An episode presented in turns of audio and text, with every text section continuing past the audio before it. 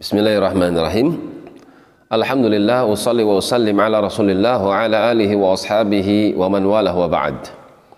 Masih di dalam surat Al-Hadid sampai pada firman-Nya huwallazi khalaqas samawati wal ard.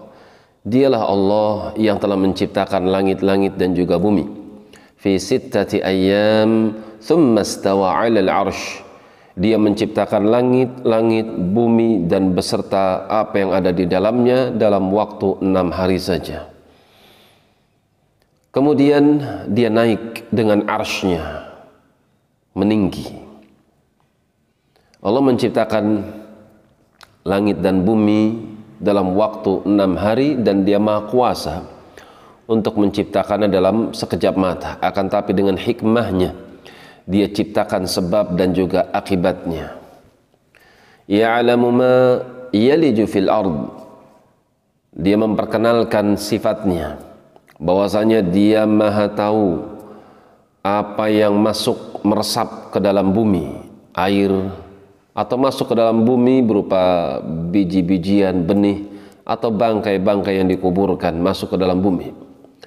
Wa ma yakhruju minha dan apa yang keluar daripada bumi dari kekayaan bumi, tanam-tanaman, buah-buahan, pohon, rerumputan, wa ma yanzilu minas sama. Dan dia maha tahu apa yang turun dari atas langit berupa malaikat-malaikat atau ketentuan takdir rizki yang Allah berikan kepada hambanya di antaranya hujan. Wa fiha. Dan apa yang naik ke atas langit dari bumi yaitu amalan yang saleh atau malaikat-malaikat yang naik ke atas langit untuk melaporkan amalan-amalan manusia. Dia maha tahu semuanya. Wa huwa ma'akum aynama kuntum.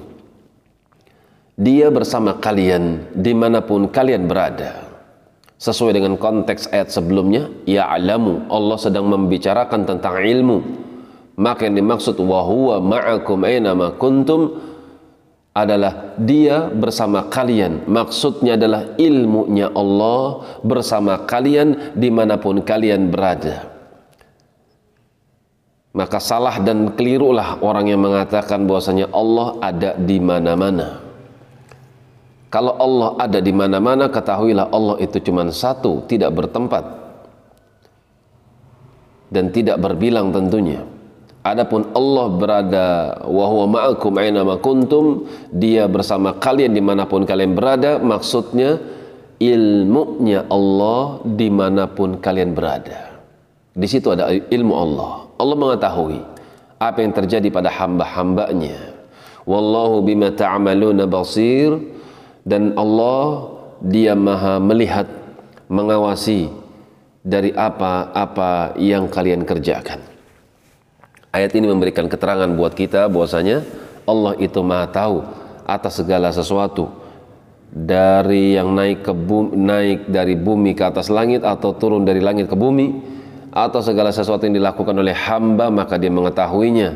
Maka pelajaran buat kita untuk mawas diri merasa diawasi oleh Allah Subhanahu wa taala karena hal itu akan melahirkan takwa kepadanya. Demikian wallahu taala alam bissawab سبحانك اللهم وبحمدك أشهد أن لا إله إلا أنت أستغفرك وأتوب إليك تفضلوا بارك الله فيكم